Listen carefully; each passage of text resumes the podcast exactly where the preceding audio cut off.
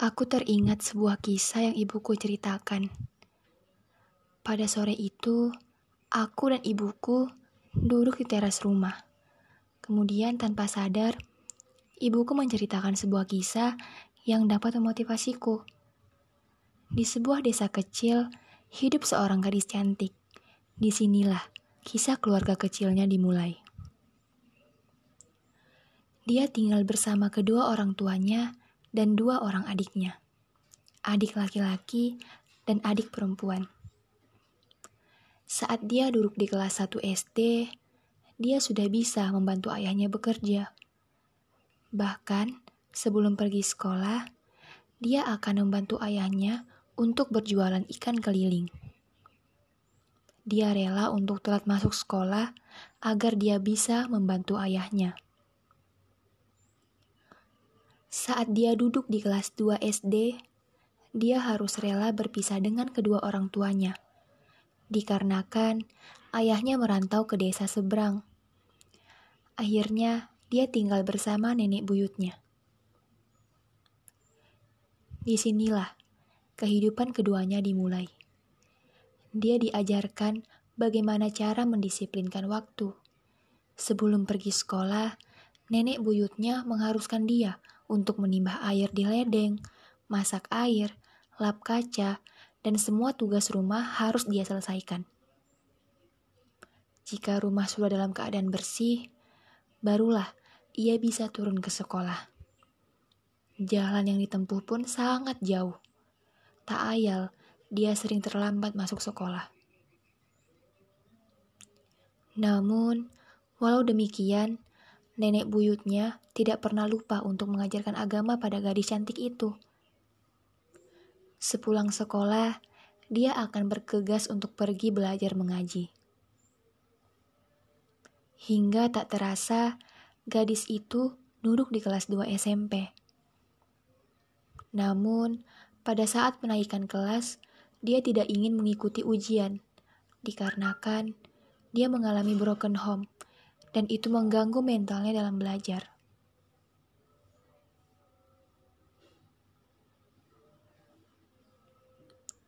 Akhirnya, dia memutuskan untuk tidak melanjutkan sekolahnya. Saat usianya 16 tahun, dia memutuskan untuk menikah dan tak terasa sekarang dia dikaruniai dua orang anak. Sekian lama, Akhirnya aku tahu itu adalah kisah ibuku. Dari itulah ibuku selalu berpesan kepadaku, gapailah cita-citamu nak setinggi mungkin. Fokuslah pada masa depanmu. Waktu dan kesempatan tidak digunakan untuk bermain-main, maka fokuslah pada tujuan awalmu. Kesempatan tidak pernah datang dua kali. Maka, Gunakan waktu mudamu sebaik-baiknya. Gunakan waktu mudamu untuk berkarya, untuk membahagiakan kedua orang tuamu, membahagiakan keluargamu, membahagiakan teman-teman seperjuanganmu. Jadilah wanita yang berkelas, wanita yang kuat, wanita yang tangguh. Karena kelak kau akan berumah tangga, maka kau adalah panutan dari anakmu kelak. Jadilah wanita yang sempurna. Memang, manusia tidak ada yang sempurna, maka berusahalah untuk mendekati kata sempurna. Itu adalah pesan dari ibuku, pesan yang akan selalu aku ingat. Dan semoga dengan cerita ini kalian dapat termotivasi. Dan aku yakin kalian pasti bisa menggapai mimpi kalian. Semangat, terutama untuk kalian wanita hebat.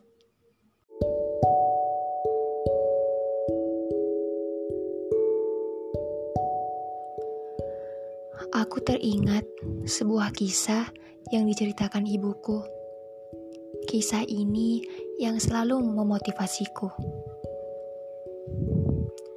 Di sebuah desa kecil, hidup seorang gadis cantik. Di sinilah kisah keluarga kecilnya dimulai. Dia tinggal bersama kedua orang tuanya dan dua orang adiknya. Adik laki-laki dan adik perempuan. Saat dia duduk di kelas 1 SD, dia sudah membantu ayahnya bekerja. Sebelum pergi ke sekolah, dia membantu ayahnya untuk berjualan ikan keliling. Bahkan, dia rela untuk telat masuk sekolah agar dia bisa membantu ayahnya. Saat dia duduk di kelas 2 SD, dia harus rela berpisah dengan kedua orang tuanya. Dikarenakan ayahnya merantau ke desa seberang. Akhirnya, dia tinggal bersama nenek buyutnya. Di sinilah kehidupan barunya dimulai. Dia diajarkan bagaimana cara mendisiplinkan waktu. Sebelum pergi sekolah, nenek buyutnya mengharuskan dia untuk menimba air di ledeng, masak air, lap kaca, cuci piring, semua tugas rumah dia yang mengerjakan. Jika rumah sudah dalam keadaan bersih, barulah ia bisa turun ke sekolah. Jalan yang ditempuh pun sangat jauh. Tak ayal, dia sering terlambat masuk sekolah. Namun, walau demikian, nenek buyutnya tidak pernah lupa untuk mengajarkannya agama. Sepulang sekolah, dia akan bergegas untuk pergi belajar mengaji. Hingga tak terasa, gadis cantik itu sekarang duduk di kelas 2 SMP. Namun, pada saat penaikan kelas, dia tidak ingin mengikuti ujian dikarenakan dia mengalami broken home dan itu mengganggu mentalnya dalam belajar. Akhirnya, dia memutuskan untuk tidak melanjutkan sekolahnya. Dan dia pun harus kehilangan impiannya, impian tertingginya yaitu menjadi seorang perawat.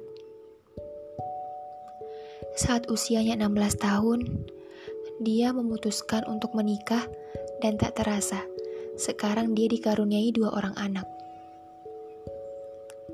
Sekian lama, akhirnya aku tahu itu adalah kisah ibuku.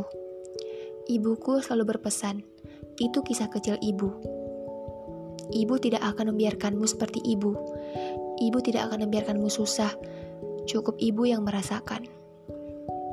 Maka nak, pesan ibu, gapailah cita-citamu setinggi mungkin. Fokuslah pada masa depanmu. Waktu dan kesempatan tidak digunakan untuk bermain-main, maka fokuslah pada tujuan awalmu. Gunakan waktu mudamu untuk berkarya, untuk membahagiakan kedua orang tuamu, membahagiakan keluargamu, membahagiakan teman-teman seperjuanganmu. Jadilah wanita yang berkelas, wanita yang kuat, wanita yang tangguh, karena kelak kau akan berumah tangga, maka kau adalah panutan dari anak-anakmu nanti. Jadilah wanita yang sempurna. Memang, manusia tidak ada yang sempurna, maka berusahalah. Berusahalah untuk mendekati kata sempurna. Itu adalah pesan yang selalu kuingat, pesan yang selalu menjadi motivasiku Semoga kisah ini dapat menjadi motivasi buat kalian, buat kalian yang setia mendengarkan podcast ini. Aku yakin kalian pasti bisa. Semangat, terutama untuk kalian para wanita hebat. Aku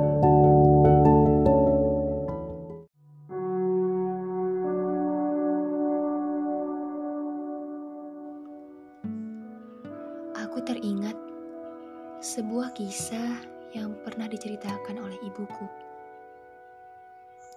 Kisah ini merupakan kisah yang selalu memotivasiku. Di sebuah desa kecil, hidup seorang gadis cantik. Di sinilah kisah keluarga kecilnya dimulai. Dia tinggal bersama kedua orang tuanya dan dua orang adiknya.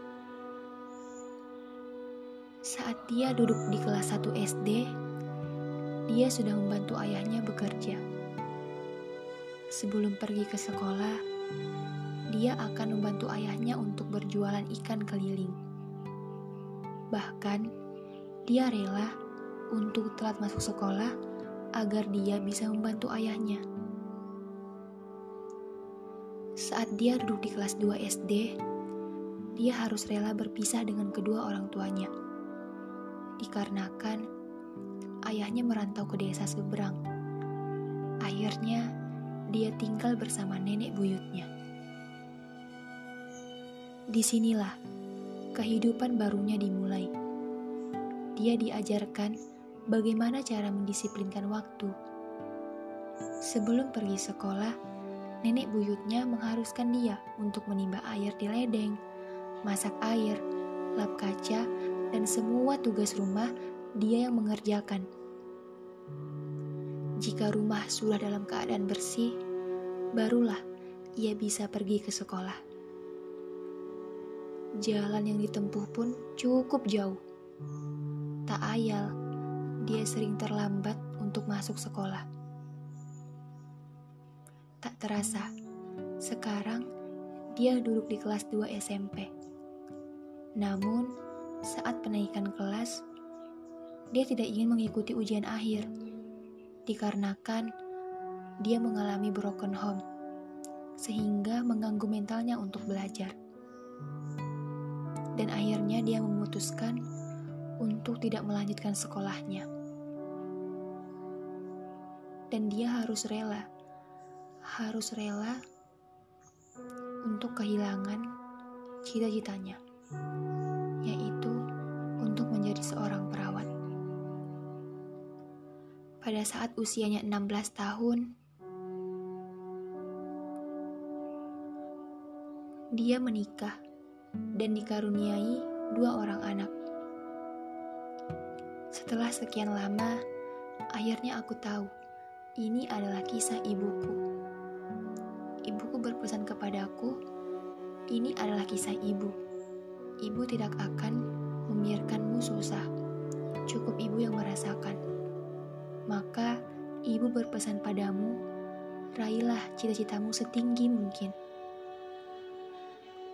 Gapailah mimpimu. Fokuslah pada tujuan awalmu. Maksimalkan usia mudamu untuk berkarya, untuk membahagiakan kedua orang tuamu membahagiakan teman-teman seperjuanganmu, membahagiakan keluargamu. Jadilah wanita yang hebat, wanita yang berkelas, wanita yang tangguh, wanita yang kuat, karena kelak kau akan menjadi ibu. Kau adalah panutan utama untuk anak-anakmu. Jadilah wanita yang sempurna. Memang manusia tidak ada yang sempurna, maka berusaha berusahalah untuk mendekati kata sempurna. Ini merupakan kisah yang sangat memotivasiku, dan semoga kisah ini dapat memotivasi kalian juga. Kalian yang setia mendengar podcast ini, semangat, semangat dalam menggapai mimpi. Aku yakin kalian pasti bisa, terutama untuk kalian, para wanita hebat.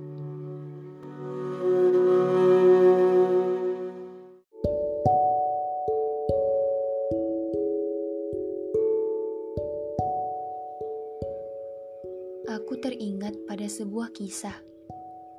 Kisah yang dulu pernah diceritakan ibuku. Kisah yang menjadi tolak ukur dalam hidupku. Kisah yang akan selalu menjadi patokan utamaku untuk bersyukur. Bersyukur akan nikmat, bersyukur atas rezeki, bersyukur karena Allah telah menitipkanku kepada orang tua yang sangat hebat. Di sebuah desa kecil, hidup seorang gadis cantik. Di sinilah kisah keluarga kecilnya dimulai. Dia tinggal bersama kedua orang tuanya dan dua orang adiknya. Saat dia duduk di kelas 1 SD, dia sudah membantu ayahnya bekerja. Sebelum pergi ke sekolah, dia akan membantu ayahnya untuk berjualan ikan keliling. Bahkan, dia rela untuk telat masuk sekolah agar dia bisa membantu ayahnya. Saat dia duduk di kelas 2 SD, dia harus rela berpisah dengan kedua orang tuanya. Dikarenakan ayahnya merantau ke desa seberang. Orang tuanya pun menitipkan dia kepada nenek buyutnya. Di sinilah kehidupan barunya dimulai dia diajarkan bagaimana cara mendisiplinkan waktu. Sebelum pergi ke sekolah, nenek buyutnya mengharuskan dia untuk menimba air di ledeng, masak air, lap kaca, cuci piring, dan mengerjakan semua tugas rumah. Jika rumah sudah dalam keadaan bersih, barulah ia bisa turun ke sekolah. Jalan yang ditempuh pun sangat jauh Tak ayal, dia sering terlambat masuk sekolah.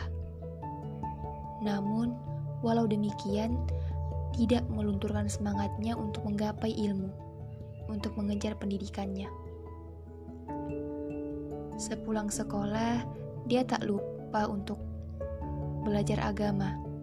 Dia akan bergegas untuk pergi belajar mengaji.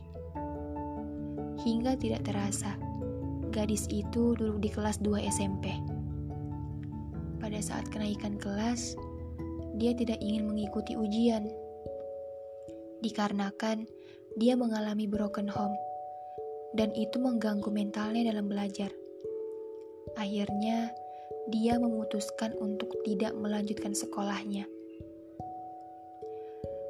Terpaksa, dia harus menghapus keinginannya, menghapus impiannya, impian tertingginya, menjadi seorang perawat. Saat usianya 16 tahun, dia memutuskan untuk menikah. Dan tak terasa, sekarang dia dikaruniai dua orang anak. Ini merupakan kisah yang sangat memotivasiku, karena ini kisah dari seseorang yang sangat aku sayangi, yaitu kisah hidup ibuku. Ibuku selalu berpesan, itu kisah kecil ibu. Ibu tidak akan membiarkanmu seperti ibu. Cukup ibu yang merasakan. Maka ibu berpesan padamu, gapailah cita-citamu setinggi mungkin. Fokuslah pada masa depanmu. Waktu dan kesempatan tidak digunakan untuk bermain-main. Maka fokuslah pada tujuan utamamu. Gunakan waktu mudamu untuk berkarya, untuk membahagiakan kedua orang tuamu, membahagiakan keluargamu, membahagiakan teman-teman seperjuanganmu. Jadilah wanita yang berkelas, wanita yang hebat, wanita yang kuat, wanita yang tangguh. Karena kelak kau akan berumah tangga, kau adalah panutan dari anakmu nanti. Jadilah wanita yang sempurna. Memang manusia tidak ada yang sempurna, maka berusahalah untuk mendekati kata sempurna. Itu adalah pesan dari ibuku, pesan yang akan selalu kuingat, pesan yang merupakan motivasi bagiku, motivasi terbesar dalam hidupku. Semoga kisah ini dapat memotivasi kalian, dapat menginspirasi kalian untuk mengejar mimpi kalian. Semangat! Terutama untukmu, perempuan hebat.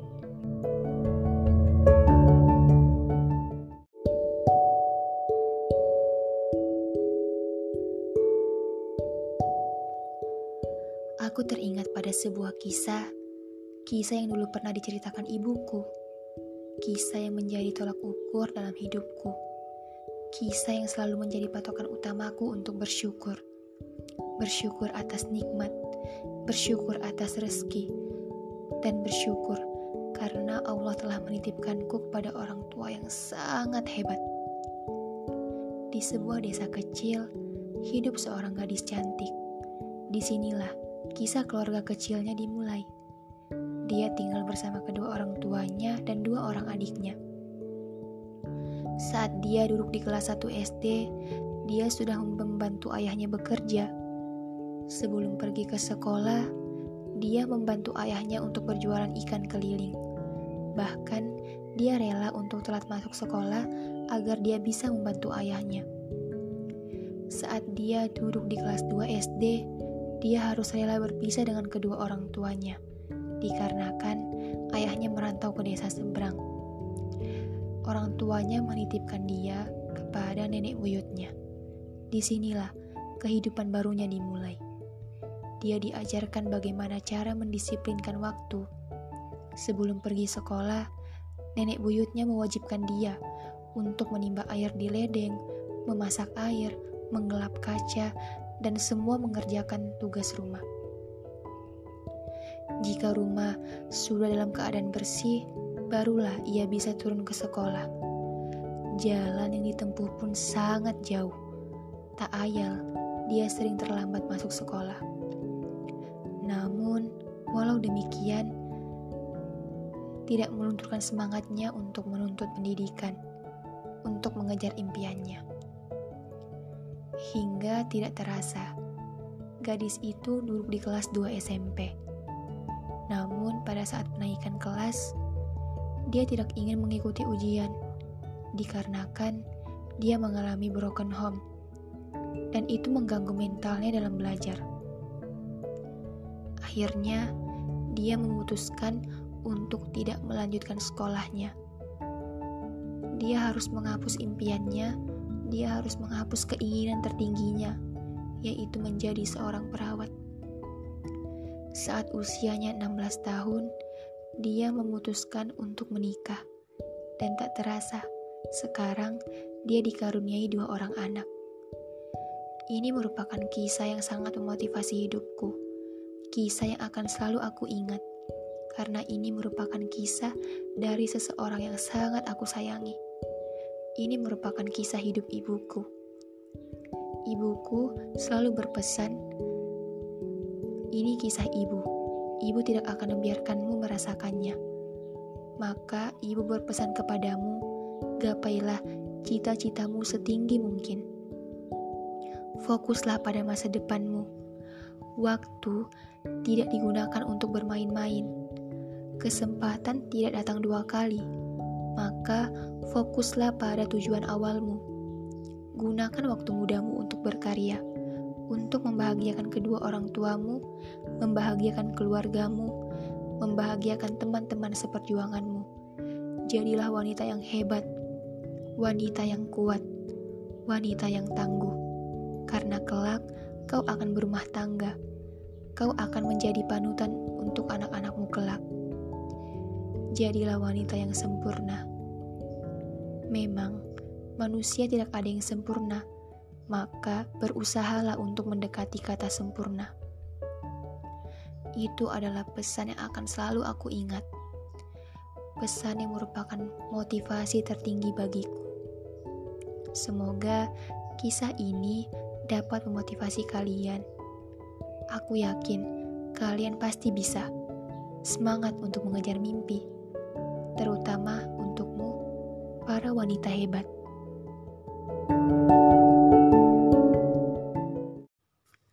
Kesehatan dan penyakit dalam Islam. Kesehatan merupakan hal yang sangat penting bagi kehidupan manusia, karena dengan kondisi yang sehat, manusia dapat beraktivitas, beribadah, dan melakukan berbagai hal lainnya. Tanpa kondisi yang sehat, manusia kehilangan daya untuk melakukan aktivitas serta menjalani kehidupan sebagaimana mestinya. Menjaga kesehatan yang berlandaskan agama merupakan solusi terbaik untuk dapat mengatasi berbagai permasalahan kesehatan fisik bahkan jiwa dengan mematuhi mengamalkan nilai-nilai agama dalam aktivitas kehidupan sehari-hari. Berkaitan dengan kesehatan, terdapat kasus yang kini sedang menggemparkan dunia, yaitu wabah penyakit menular yang sampai saat ini kasus tersebut telah banyak menelan korban jiwa hingga meninggal dunia setiap harinya, yaitu COVID-19. Umat Islam wajiblah melihat kasus ini sesuai dengan pandangan hidup Islam, terutama yaitu sebagaimana Islam menanggapi wabah penyakit yang kini sedang menjangkit dunia yang juga pernah dialami pada masa Nabi Muhammad SAW. Alaihi Wasallam. Pendek kata, COVID-19 dan Islam sangatlah berkaitan. Sejarah, bentuk, dan penyebaran. Pada tanggal 11 Februari 2020, WHO World Health Organization mengabarkan resmi nama virus tersebut sebagai Severe Acute Respiratory Syndrome Coronavirus 2 atau SARS-CoV-2 atau kemudian yang dikenal dengan Coronavirus Disease 2019 atau COVID-19. Penyakit ini resmi dikategorikan sebagai penyakit menular kelas B, yaitu communicable diseases. Oleh sebab itu, pencegahan terjadinya penularan terhadap virus yang menularkan penyakit ini harus dilakukan dengan serius. Adapun bentuk COVID-19 itu yaitu bundar oval dengan berdiameter antara 60 sampai 140 nm.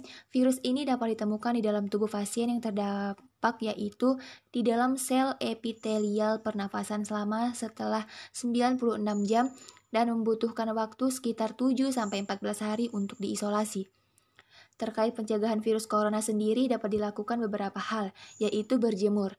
Karena virus ini sangat sensitif dengan adanya sinar matahari atau ultraviolet.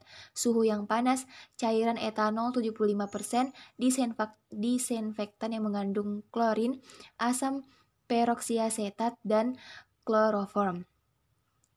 Dikonfirmasi bahwa sumber utama penyebaran adalah para pasien COVID-19 itu sendiri yang sangat berpotensi menyebarkan infeksi dan virus ini. Dengan garis besar, dapat ditularkan melalui kontak langsung dan penularan melalui udara juga mungkin terjadi pada orang-orang yang terlalu lama berinteraksi dengan pasien. Virus ini tidak mengenal usia dalam penyebarannya yang artinya semua semua usia baik itu anak-anak, maupun orang dewasa semua rentan akan terkena virus ini. Adapun gejala yang ditimbulkan dari penyakit virus COVID-19 ini yaitu demam, kelelahan, dan batuk ringan. Untuk kategori yang parah adalah seketika pasien menderita sesak nafas atau hipoksemia. Sementara kasus terburuk yang bisa terjadi adalah acute respiratory syndrome atau gangguan sindrom pernafasan akut. Oke, sekarang kita masuk ke inti dari materi, yaitu pandangan Islam dalam menghadapi COVID-19. Dalam Islam, penyakit penyakit itu sering dikaitkan dengan bala musibah, fitnah, dan azab. Penyakit juga dapat berbentuk kuman sejenis bakteri yang merupakan ciptaan Allah, meskipun melalui hasil perbuatan manusia itu sendiri. Bima kasabat aidinas. Dengan kata lain menggunakan istilah wabah atau taun. Arti taun adalah suatu penyakit yang menular dengan penyebaran jangkauan yang sangat luas penyakit yang mencemari udara, dan dapat menggerogoti tubuh serta penyakit yang dapat mengakibatkan kematian dengan waktu sepersekian detik itu sangat cepat. Salah satu dokter yang bernama Dr. Syamsuddin Arif kemudian mengutip dari Ibnu Hajar al-Ashkalani menjelaskan bahwa wabah adalah penyakit epidemik dan pandemik. Taun yang berarti penyakit yang menular mematikan yang bisa jadi karena adanya serangan jin dalam darah yang menyebabkan gumpalan darah yang sangat beracun, yang tidak dapat diatasi oleh dokter sekalipun. Hal ini juga disepakati oleh Ibnu Al-Kashim. Terkait taun terdapat tiga hal yang pertama, gejala-gejala yang umumnya dapat dia, didiagnosa oleh para dokter. Kedua, kematian yang diakibatkan oleh penyakit yang menular. Ketiga, faktor yang disebabkan oleh sisa-sisa azab Bani Israel dan gangguan jin. Namun sebagian umat Islam kita selalu bersabar dan bertawakal dalam menghadapi segala ujian serta musibah yang datang menghampiri. Sebagaimana firman Allah Subhanahu wa taala dalam surah Al-Baqarah ayat 155 sampai 156 yang artinya dan kami pasti akan menguji kamu dengan sedikit ketakutan, kelaparan, kekurangan harta, jiwa, dan buah-buahan. Dan sampaikanlah kabar gembira kepada orang-orang yang bersabar, yaitu orang-orang yang apabila ditimpa musibah mereka berkata, Innalillahi wa inna ilaihi roji'un. Sesungguhnya kami milik Allah dan kepadanya lah kami kembali. Berkenaan dengan penjelasan tersebut, apa yang harus kita lakukan sebagai usaha dalam menghindari wabah dari berbagai penyakit termasuk wabah COVID-19 ini? Dalam fikih diajarkan, ketika terjadi suatu wabah di suatu negeri, maka tidak ada gunanya pergi dari tempat tersebut. Jika penyebabnya juga dirinya sendiri, dianjurkan untuk memperbanyak doa kunut nazilah sebagai doa untuk menolak wabah penyakit. Orang terkena wabah penyakit yang mematikan tersebut sebagai azab, hukuman yang dikirimkan oleh Allah kepada siapa pun yang dikehendakinya. Tetapi Allah menjadikan itu sebagai rahmat bagi orang-orang yang beriman. Sebagaimana hadis menyatakan dari Aisyah radhiyallahu anhu, aku bertanya kepada Rasulullah Shallallahu alaihi wasallam mengenai wabah penyakit menular yang mematikan. Beliau menjawab bahwa wabah itu merupakan azab hukuman yang, di, yang dikirimkan Allah kepada siapa pun yang dikehendakinya. Tetapi Allah menjadikan itu sebagai rahmat bagi orang-orang yang beriman. Karena barang siapa yang mendapati wabah penyakit di suatu negerinya, lalu ia tetap tinggal di situ dengan sabar lantarkan lantaran mengharap kepahala.